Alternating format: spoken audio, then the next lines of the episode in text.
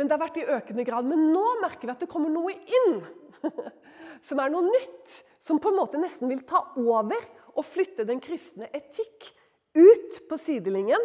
Den kristne moral skal ikke lenger få bestemme for det som på en måte har vært eh, grunnvollen i den moral og etikk som vi alle sammen har vokst opp i. Eh, den har jo selvfølgelig vært litt sånn i oppløsning, men nå er det akkurat som den skal skyves bort. Og da blir det å finne seg selv som en kristen menighet, som i større sammenheng Hvor går veien nå? Man begynner å ane at vi går inn i helt nye tider. Og det er ulike røster etter hvordan man skal orientere seg i dette her. Og så blir det jo litt sånn turbulent, da. Fordi det blir uenigheter. For plutselig så kommer det stemmer inn som begynner å si ting som ikke har vært sagt i den kristne kirkes historie gjennom 2000 år. Sant? Plutselig kommer de restene til og krever å bli hørt og krever rom og plass. Og det har vi kjent noe nå, spesielt gjennom eh, noen deler av kristenheten i Norge. Men nå begynner det å komme inn i mye, mye større eh, Det begynner for mye, mye større bredde, da. Og da skapes det dette herre litt sånn turbulente. Og, og, veldig mange diskusjoner og, og mange lurer, på en måte, veien videre. Og det da, som har vært litt sånn uh, interessant synes jeg, å tenke på, det er jo det at uh, å finne denne veien i å være Altså, Vi har på en måte ikke så veldig mange valg. Det er ikke så veldig mange veier å gå. Enten så kan vi tørre å gå inn på et sånt eksperiment som en god del vil, da, og allerede står i. Og det er å finne og lage vei i vellingen der hvor den kristne kirke aldri har gått før. Noen gang. Hvor man på en måte begynner å brekke til ordet i en lære som er helt fremmed for Kirken gjennom 2000 år. Og så skal man da finne en vei inn i dette her, hvor man skal kunne gå. Og samtidig fortsatt bygge opp en kristen lære for en ny tid, liksom. Rett og slett. Det er jo det som holder på å skje. En nytolkning av tekster, og, en, og langt på vei en ny lære for en ny tid. Det er det ene alternativet. Det er å fortsette å gå med de som vil gå der. Og så er det et annet alternativ. Og vi har egentlig et mye, mye bedre utgangspunkt. Fordi at vi har noe å se til. Det er alltid godt å kunne se til noen som har gått foran. Og det er ikke sikkert du kan se til din eh, besteforeldre eller foreldre, eller oldeforeldre for den saks skyld. For de har ikke gått i et sånt landskap. Men vi kan se mye lenger bak. Fordi den kristne menighet ble nettopp født inn i en utrolig fiendtlig kultur. Sånn at vår kristne lære, som er overgitt oss fra apostlene, fra evangelistene og apostlene, og profetene for den saks skyld, men da beveger vi oss langt bak Men den er jo nettopp utviklet. Alle skriftene i Det nye testamentet er født og er skrevet og er levert ut i et samfunn som var mye mer fiendtlig enn det samfunnet vi begynner å se konturene av nå. Slik at vi har virkelig en, en, en bibel og en lære fra Jesus og hans apostler som nettopp tåler det vi er på vei inn i nå. Så det blir viktig, og dette tror Erlend og meg mye på, å liksom tørre å ta tak i Ikke bare tørre, men at det er helt livsnødvendig. Å ta tak i en mye større bredde av Guds ord og ta til seg mye mer av ordet. Og Når jeg sier tørre, så er det kanskje litt fordi at man har vært så redd for å se på de der litt vanskelige tekstene som det faktisk finnes mest av i Det nye testamentet. Og få det opp og fram. Rett og slett. Husk hva Lukas sa når han skulle sette seg ned og faktisk skrive evangeliet om Jesus, han også. Han hadde jo ikke behøvd å gjøre det. Markus hadde allerede skrevet evangeliet om Matteus også. Og hvorfor skulle Lukas også skrive evangeliet om Jesus? Men han skriver det til en ung jødisk mann. Og han sier hvorfor han gjør det. Og det er for at du skal lære å forstå hvor etterrettelige begynnelsen av Lukas, hvor etterrettelige og troverdige de skriftene er som du er opplært i. Og det syns jeg er helt fabelaktig, og det er det jeg tror vi trenger nå. Vi trenger å komme til Skriftene og fordype oss, gå inn i det. Bredden og dybden, høyden og lengden. For å nettopp se hvor etterrettelige og troverdige Skriften er. At vi kan stole på det som er overlevert ifra profetene og fra apostlene. Og slik står det også i Efeserbrevet. Og jeg kommer straks dit, men først innom Apostlenes gjerninger, andre kapittel. Jeg skal ikke gå dit, Du behøver ikke gå dit, du kan bare notere det hvis du vil. Jeg tror jeg vet det utenat. På pinsedag så ble det lagt 3000 mennesker til. De hørte Peter forkynne, de fikk tro, og de sa 'hva gjør vi?' Og Da var det 3000 som ble lagt til menigheten. Og det neste som står, er For hva nå? Veien videre nå, liksom. Ha, plutselig har du gått fra å bare være sant? Eh, Jesu disipler, og plutselig så er det 3000 som, som kommer inn. Og hva var det de la vekt på med en gang? Jo, det var å holde trolig, sånn står det i min gamle oversettelse, fast på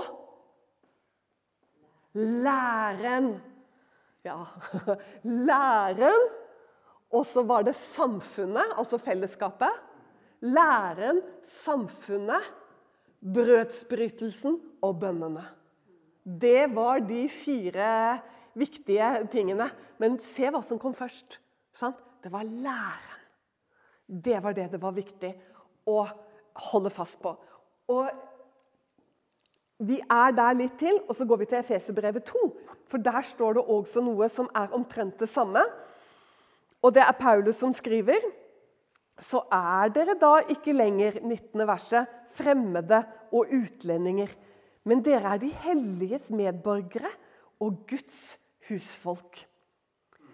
Dere som er bygget opp på apostlene og profetenes grunnvoll mens hjørnestenen er Kristus Jesus selv. I hvem hver bygning føyer sammen og vokser til et hellig tempel i Herren. I hvem også dere bygges opp med de andre til en Guds bolig i ånden. Og dere, jeg må bare si at jeg bruker ikke nå eh, denne teksten uh, som en tillatelse, som jeg vet at en del har blitt forkynt i senere tid. At uh, sant, Gud innsatte apostler og profeter i menigheten, og derfor så er det apostlene og profetenes lære i dag som skal sidestilles wow, med Bibelens skrifter. Det er jo kjempeskummelt. Dette har vært vanlig innenfor noe som heter NAR, men vi skal ikke gå inn i den diskusjonen der. Men det er ikke slik jeg bruker Efeserbrevet. Selvfølgelig.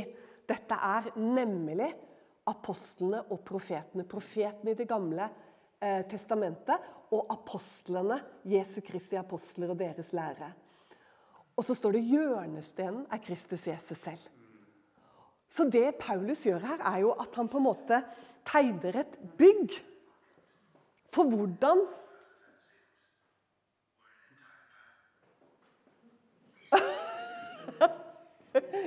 ja da. Vi lar oss ikke affisere av det. Det er sånt som skjer i, i teknikkens uh, tid. Plutselig. Det var ikke verre enn jeg gjorde det midt i et teaterstykke hvor hele teaterstykket stoppet opp. Og ventet til jeg hadde slått av mobiltelefonen. Det var grusomt, det. Det var virkelig grusomt. Så det der var ingenting. Men nå, fokus dere. Vi er tilbake i apostlene og profetenes lære. Det er grunnvollen, sa Paulus. Men så sier jeg, men hjørnestenen, det er Kristus Jesus. Og så sier han i hvem? Altså i Kristus. I hvem? Hele bygningen føyes sammen. Og det er slik det er å bygge med hjørnestein. For da har du Kristus Jesus som hjørnesteinen, som ordet. Og så må du bygge. Alt du legger ned i den bygningen, må være i nøyaktig overensstemmelse med hjørnestenen. Og alt bygges ut derifra. Så der legger Paulus liksom grunnvollen, læren. Ingen kan rokke av læren, som er apostlenes og profetenes lære, uten at huset står i fare for å falle. Dette er viktige ting dere, å ta til oss. Det er nøyaktig lære i Det nye testamentet hvordan vi skal forholde oss i den tiden vi lever i nå. Så det som gjør at vi blir forvirret, er ikke Bibelen. Det er ikke Guds ord som forvirrer oss, men det er på en måte røster som liksom gjør akkurat det som det står i Peters brev. Det kommer noe inn og forvirrer. Fordi læren i Det nye testamentet, den er soleklar. Og den tåler denne tiden vi er i nå, og som kommer, helt utrolig bra. Og den har mye å si oss om å leve som kristen i en fiendtlig kultur. Der har den mye å si oss. Derfor går vi videre til Johannes' åpenbaring. Og Da går vi til det første kapitlet, og det er en setning av Johannes, apostelen Johannes jeg er ute etter. Som jeg har nå brukt flere ganger det siste halvåret. Og den er jo så bra. Og det er når han skal introdusere seg. Han skal rett og slett presentere seg eh, fordi han har hatt dette synet mens han sitter i fangenskap på Patmos. Og så har han fått noe han skal overlevere til menighetene, de syv menighetene. Og jeg synes Det er så nydelig hvordan han introduserer seg. Det er det ene. Og jeg har sagt så mange ganger, men jeg må si det igjen, for det er ikke sikkert du har hørt det. Uh, han er ikke engang opptatt av å si at han er apostelen Johannes. Det, selv om han nå er den eneste overlevende som faktisk så Jesus i levende live, alle de andre er drept. Det er bare Johannes som fortsatt lever. Han skal skrive til menigheter som lever i stor trengsel under den fiendtlige romerske kultur og samfunn. Og han vet hva de går igjennom. Og han sier bare 'Jeg, Johannes, deres bror'. Jeg syns det er så bra. Han er i hvert fall ikke noen tanker om at det er viktig her å komme som ja, jeg bør ikke si noe mer om det. Det neste er hva han sier. Og som har del med dere i trengselen, i riket og utholdenheten. Der kom den. Hva? Det er det. Det er hans eh, Nå er han ferdig å presentere seg. Og det første han sier som de har felles, det er trengselen. Hæ? Det er jo kjempe... Det er, er det det første vi ville sagt i dag? Hæ? Vi som menighet hva, er samlet her i dag. Det første vi ville sagt, var i hvert fall Jesus. Men det er, det er ikke noen kritikk av Johannes. Men det sier noe skjønner du, om hva de som menighet lever oppi. Han, han, han, han, du glemte visst å si Jesus, men det kommer da med riket. ikke sant? Men er liksom det er trengsel.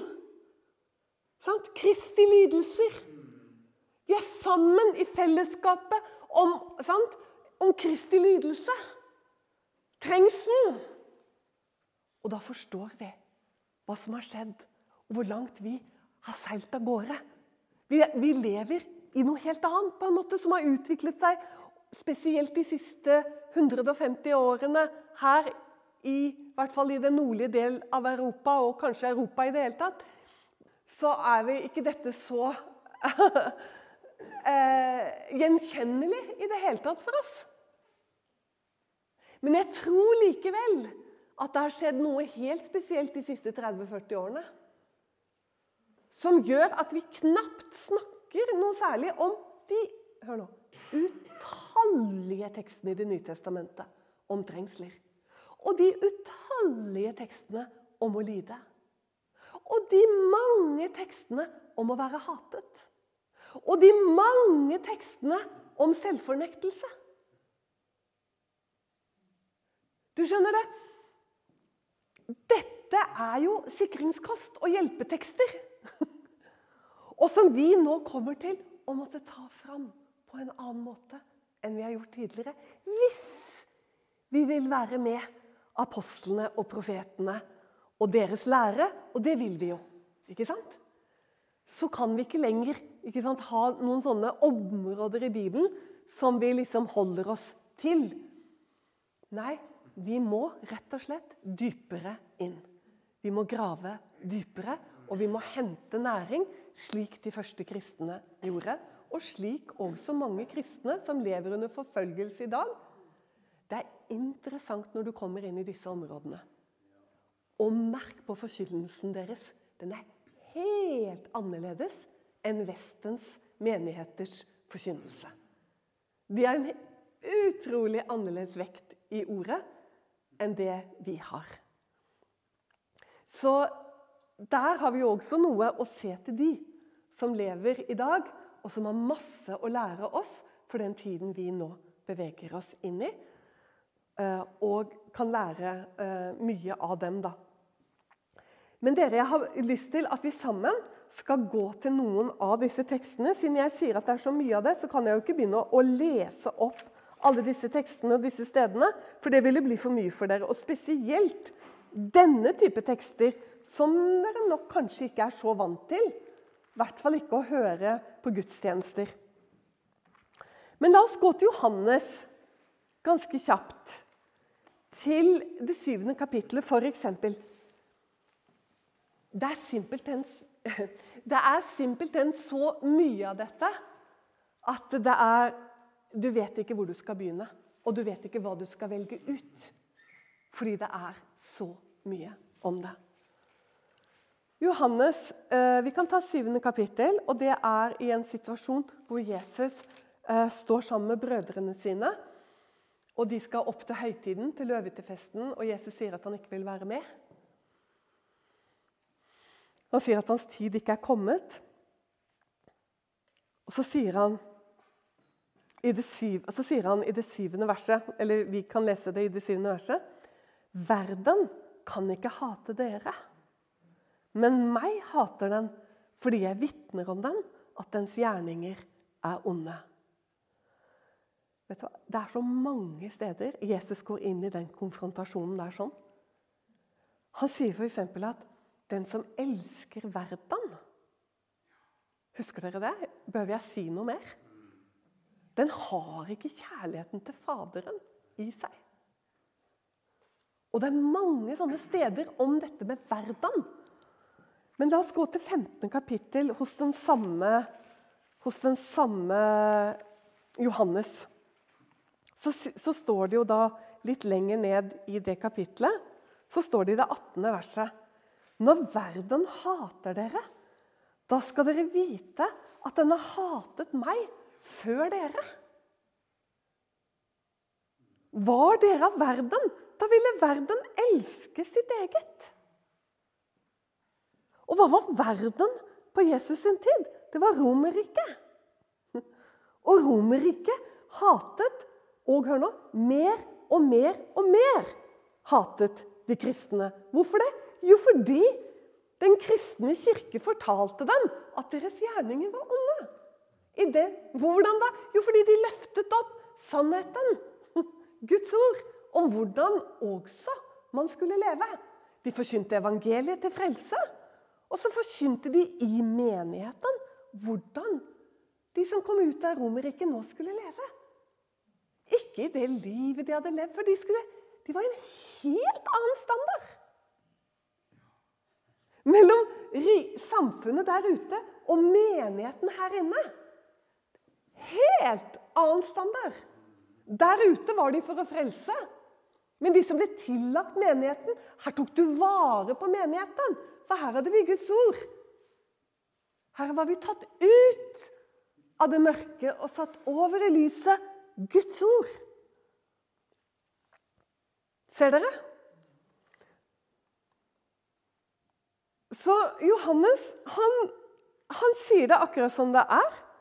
Men fordi dere ikke er av verden. Men jeg har utvalgt dere av verden. Derfor hater verden dere. Altså, Da må vi spørre oss har de hatet oss så veldig fælt de siste, de siste de fem, hva skal jeg si, de siste 100 årene. Kanskje ja, litt sånn til og fra. Men det er ikke noe sånn veldig at menigheten har vært under sånn hat, liksom. Men dette er jo en standard her, da. Jeg kan, ikke skjønne noe annet enn at det er det Jesus sier. Derfor hater verden dere. Altså, det er nesten sånn Og det er i hvert eneste evangelie. Og det står flere ganger i hvert evangelium, både Matteus og Markus og Lukas og Johannes. Det er det som er standarden, er at vi ikke blir likt. Og det er liksom egentlig vår eh, hva skal jeg si, nesten vår krone, vår ære. Det står jo et annet sted at vi er kalt til å gå utenfor leiren. Hva betyr det? Jo, det er å gå utenfor da menigheten og komfortsonen. Å gå ut, ikke sant? Hva da? Å bære vanæren. Og Det er jo da å være avvist og mislikt. Og vi har en lang vei tilbake dere, til tekstene, til ordet til Jesus Kristus. Og etterfølgelse, og hva det handler om. Virkelig. Men vi er på vei. Mange av oss er på vei, og det er så fantastisk. Tilbake til den første kristne menighet. Fordi det samfunnet de levde i, det er på vei tilbake igjen. Både eh, åndskraften i det og selvfølgelig de utslagene som det gir gjennom denne kulturen. Så sier Jesus videre i det 20. verset.: Kom det ord i hu som jeg sa til dere. En tjener er ikke større enn sin herre. Har de forfulgt meg, så skal de hør du, også forfølge dere. Igjen dette er standarden. De skal forfølge dere. Har de holdt mitt ord, så skal de også holde Altså Enten så har de holdt mitt ord, og de vil høre på dere. Eller de har ikke øre for mitt ord. De skal heller ikke ha øre for deres ord. Vi fortsetter litt til dere og tar, tar tid til noen flere. I Matteus, i det 16. kapitlet, så er det også en sånn passasje av de mange, mange lignende. Jeg må si det hele tiden, fordi jeg har jobbet så mye med dette og vet hvor ufattelig mange slike tekster det er. Og Det 16. kapittelet hos Matteus det er et av disse stedene. Og Det er fra den tid hvor Jesus begynte å gi til kjenne at han skulle lide mye. ikke sant? Og da er det jo at Peter Da syns jeg egentlig han er litt sånn herlig. For er, han, han minner nesten om en litt sånn Hva skal jeg si? Uh, positivt bekjennende karismatiker. Her skal vi ikke ha noen negativ bekjennelse. Her skal vi holde oss på det positive. Vær forsiktig med disse negative bekjennelsene. Så, litt sånn, da. Og, og, og, når Jesus sier dette, at han skal opp og lide og dø, så Peter liksom så står det, Han går i rette med Jesus. Han irettesetter ham. Det, det tenker jeg, det er litt sånn spesielt. Wow, Peter! Dette skal ingenlunde skje, liksom. Hva er det du sier? Og da kommer de ordene fra Jesus som er altså så tøffe. Og vik bak meg, Satan! Men det er ikke det jeg er så interessert i. Jeg er det interessert i fortsettelsen. For du har ikke sans for det som hører Gud til. Du har bare sansen for det som hører mennesket. Er ikke den ganske skummel?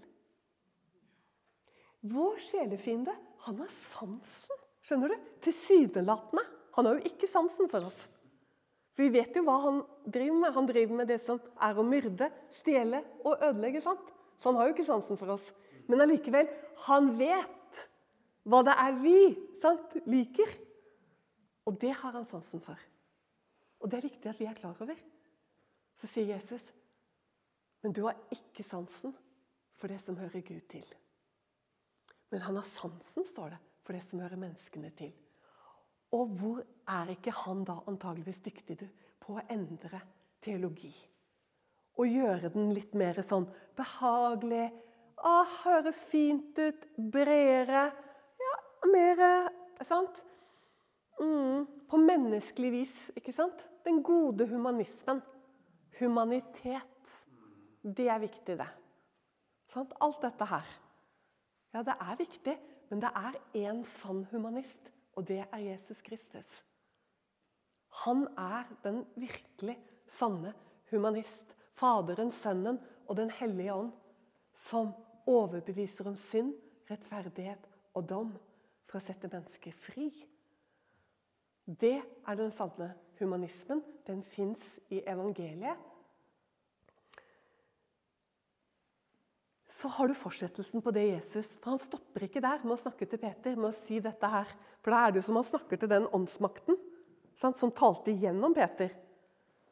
Han taler rett og slett til den Han taler til liksom som om det er Satan som snakker gjennom ham. Men så fortsetter han. Og nå snakker han til alle disiplene sine i fortsettelsen.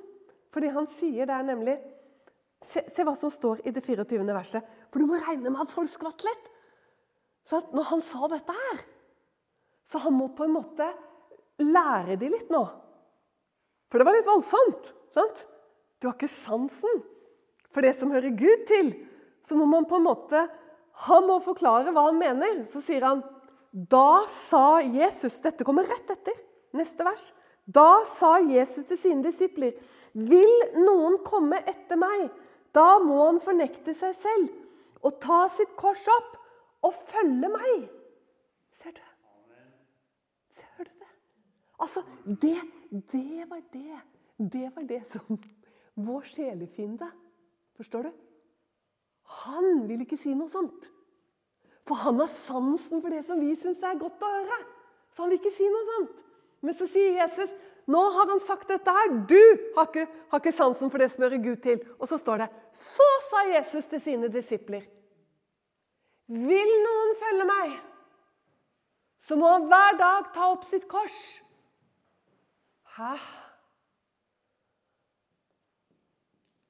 Det er sjelden det, at vi hører. No, jeg kan ikke huske. Jeg kan ikke huske når jeg hørte noen tale om det annet enn meg selv. Helt sant. Jeg kan ikke huske det. Det er så vanvittig mange år siden. Og så står det flere ganger i hvert eneste evangelium og hos Hør her i alle brevene. Og så kan jeg ikke huske at jeg noen gang har hørt en tale om det. Om selvfornektelse. Om å ta opp sitt kors og hva det betyr. Det er så viktig dere, for livene våre For sannheten om hva det er å være en kristen. Om å etterfølge Jesus. Det handler om hva da? ja, det handler om akkurat det. Å fornekte seg selv. Ikke i en sånn forstand Det er derfor det er så skummelt å snakke om dette. Fordi det er sarte sjeler. Og det er mennesker som en gang bare Å, så kommer anklageren. Og han får rom, ikke sant? Og kommer over oss med pekefinger og liksom 'Nå skal du leve et fattig og, og trist og tragisk liv.' Og en sånn forferdelig misforståelse. Men det er dette som Paulus sier til filipperne. Og det står i det første kapitlet. Dere har ikke bare fått nåde til å tro på meg. Ikke meg, for det er Paulus som sier det. Dere har ikke bare fått nåde til å tro, men dere har også fått nåde til å lide fått nåde til å lide lide. Selvfornektelse, kors, hatet, trengsler. Ja, det er masse av det i Det nye testamentet. Det står like mye om det som om kjærlighet. Hør her, Det står kanskje mer enn det enn om kjærligheten. Forstår vi?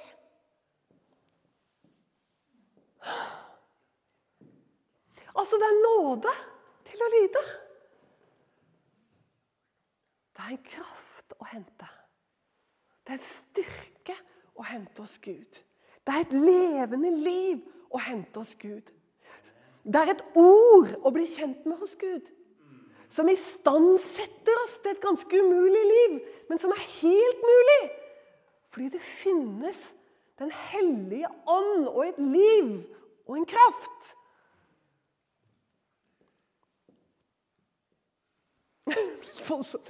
Matteus 11 det er et fantastisk eksempel. Fordi der sier Jesus, 'Kom til meg, alle dere som strever og har tungt å bære'.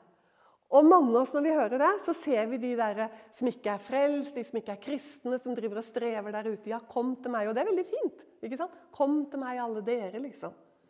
Men han taler til disiplene sine når han sier dette.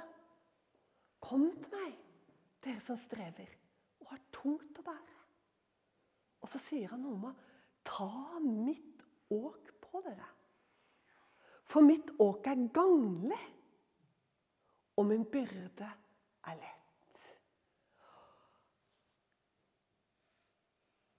Og her sånn så ser jeg nesten denne skjønner du, Vi kan leve sånn kranglete kristenliv da, hvor det handler egentlig dypest sett om meg. Sånn, og så kommer vi liksom ikke helt videre. Og da blir vi der med disse byrdene som alltid føles så voldsomt tunge. Fordi troen blir innhentet av realitetene og livet. Henger dere med meg? Og så skal vi ordne det, liksom. Og, og, sånn, og så blir kristenlivet så utrolig kronglete og strevete. Så sier Jesus, 'Ta mitt åk på dere'. Og her ligger det en overgivelse. Uten at dere hver dag tar opp deres kors. sant? Altså Det er en sånn Ja, Jesus. Det er en slags sånn ja til livet mitt. Ja, jeg stoler på deg. Ja, Jesus, jeg er villig å gå. Du må ikke først gjøre det og det og det og det før jeg, før jeg er villig liksom å være din disippel. Det er, en, det er en sånn overgivelse å ta hans Forstår du? Ta dette åket på. Det er frivillig. Han tvinger deg ikke. Vil du gå der, liksom? Med, med, det er meg, liksom. Og, og, alle forteller meg jo også at det er meg. Nå tøyser jeg litt, men det blir jo veldig mye jeg i veldig mye. At det handler om at kristenlivet nesten handler om at det gode liv for meg, familien min og menigheten min. Men det er bare det at det kristenlivet er så vanvittig mye mer. Og så handler det om han. Det handler om han. Og han tvinger deg ikke hvis du ikke vil være med på det. Han har aldri tvunget noen. Men hvis du vil være med, så handler det om han. Og da er det sånn at noen ganger går det rett og slett på tvers av venner, jobb, familie. Det er sikkert flere enn meg som har opplevd å bli direkte avvist. Det, det, er, det, går dypt i oss. Det å bli avvist er tror jeg, noe av det frykteligste som er for oss mennesker. Men skal vi ha med Jesus å gjøre, så må vi, vi må videre. Vi må videre. Rett og slett. Og det skjer ved Hans ord og ved Hans ånd. Vi lærer å kjenne Han og Hans trofasthet, og vi tør å slippe. Ikke alt på en gang, men vi slipper. Da må vi ha undervisning som hjelper oss til å slippe. Ser du det? Vi kan ikke ha undervisning som forteller oss at bare du lærer deg å bekjenne sånn og sånn, liksom, så, skal det, så skal du ha seier. Du, det, da handler det om meg igjen! sant? Forstår du? Eller undervisning som duller meg inn i noe sånt her at å, Gud han er så god, og han vil bare det som er. sant? Og kos deg. Ja, sant? Og det handlet om meg igjen.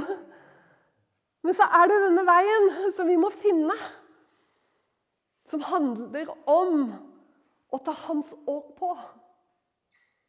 Og det er helt frivillig.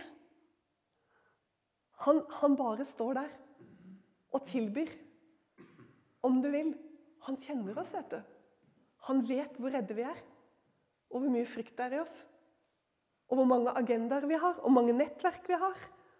Og, og, og, og hvordan det Det er en fabelaktig lignelse på det, og den skal vi ta til slutt nå. Det er en fabelaktig lignelse på dette. Og det er i Lukas i det 14. kapittel. For Der forteller Jesus to lignelser om nettopp etterfølgelse og, og, og, prisen og hva det koster. Og så sier han det er som en mann som setter seg ned og skal bygge et tårn. Han har bestemt seg han skal bygge et tårn. Man har ikke undersøkt om han har nok til å fullføre det med. Det er det ene. Men så er det den andre lignelsen, og den er aller best. For da sier han at det er som en mann. Vi leser den. Vi leser den først. Og det er Ikke at det er interessant, men, eh, men jeg kan jo si det. det jeg vet, jeg syns denne lignelsen er kanskje den I hvert fall for meg så er det den lignelsen jeg liker aller best i Bibelen. Av alle lignelsene til Jesus så er det denne jeg liker aller best. Ikke historiene han fortalte, men lignelsene han fortalte.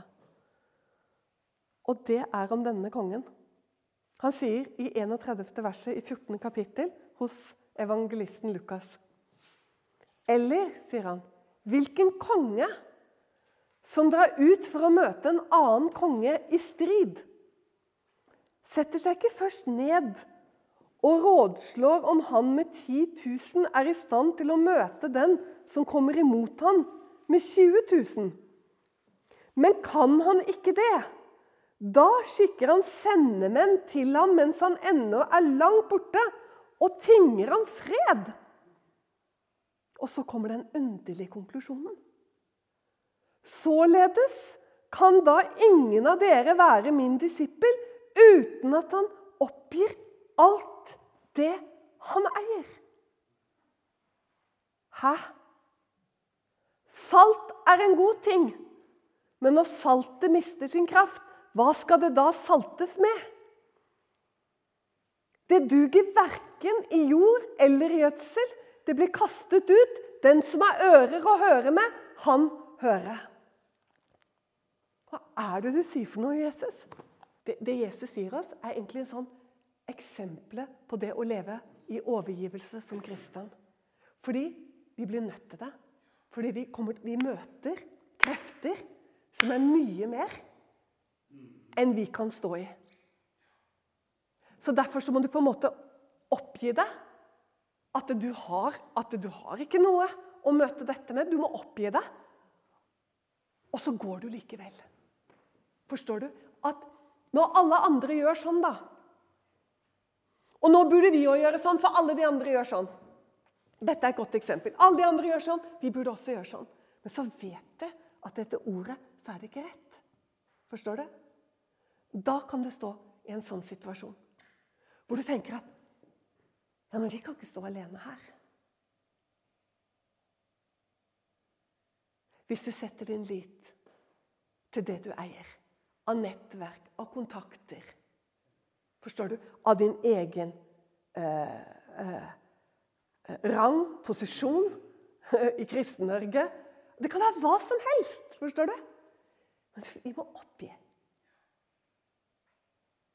han skal vokse, jeg skal avta. Det er så nydelig at det står i den rekkefølgen. At det ikke står 'vi må avta, for han skal vokse'. Da blir det prestasjon. Nei, han må vokse. Han må bli stor, sånn at vi blir trygge og tør å bli små. Tør å slippe sånn. Det er det som er Guds vei. Slippe. Avta. Og stole på inn i den tiden vi går inn i. For vi kommer til å møte det som er både dobbelt så stort og tre ganger så stort som hva vi orker å stå i. For vi vet dette trenger jeg å ja, her, må jeg, her må jeg liksom ordne litt til. Det blir sant, litt for mye. Nei. Nei, vi må ikke det. Vi skal få lov å oppleve at Gud er ufattelig trofast. Han er så trofast. Når vi er tro mot han og hans ord, så er han utrolig trofast mot oss. Han bærer oss. Han holder oss oppe. Og han kommer med alle disse vidunderlige menneskene inn på sidelinjen, så vi har alt vi trenger til. Men da var det ikke vi som talte, og det var ikke vi som ordna posisjonen vår og posisjonerte oss og ordna oss. Nei, det var Gud som ordna det. Vi slapp alt, og så ga Gud oss alt. Det er sånn han er, altså. Du tenker jeg slipper alt, og hva står jeg da? Liksom Bare helt naken igjen alene? Nei, nei, nei. Du slipper. Og så kommer Gud inn. Og da får du oppleve, som det står i Salme 23, han etterjager oss med sin godhet. Rett og slett. Det er så kult. Det står ikke at alt som kommer mot oss liksom Alt som kommer, er, liksom, alt er godt og blir herlig, sant? blir Guds barn. Nei, det er mye som kommer mot oss som vi ikke hadde ønsket. Men så står det at han etterjager oss. Det betyr at han kommer liksom, han kommer løpende opp på sidelinjen, og han gjør det virkelig også. Men vi får ikke lov å holde på selv. Så sier han, for hvis saltet mister sin kraft Det er det vi gjør da, vet du. For da ordner vi det til. Og da vanner vi det ut. Nå snakker jo Jesus om ordet. vet du. Han prøver å styrke disiplene til å stå for Guds ord. Det er derfor han snakker om saltet. Hører du en gang til? Han snakker om ordet og stå for ordet. Og han vet hva det skal koste dem. Så sier han For om saltet mister sin kraft, da duger det ikke til noen ting. sånn. For saltet, hele, hele poenget med salt er at det er salt. Ja, Men mistet det sin kraft da jeg var? Ja, det gjorde det. For det var vanlig på den tiden, det, for det var dyrebart. Det var kostelig vare, salt. Så du kunne komme til å kjøpe utblanda salt. Som var blandet opp. Og hva gjorde man med det saltet? Man kastet det vekk. For det dugde ikke, verken i jord eller i gjødsel. Og for meg det er en tolkning. Det duger verken i menigheten eller i verden. Stå med oss økonomisk og i bønn. Du finner oss på utentvil.com.